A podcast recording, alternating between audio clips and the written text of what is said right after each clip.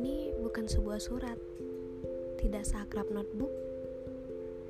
Barangkali yang kita rasakan sama. Ya sudah, dengarkan saja ya. thank you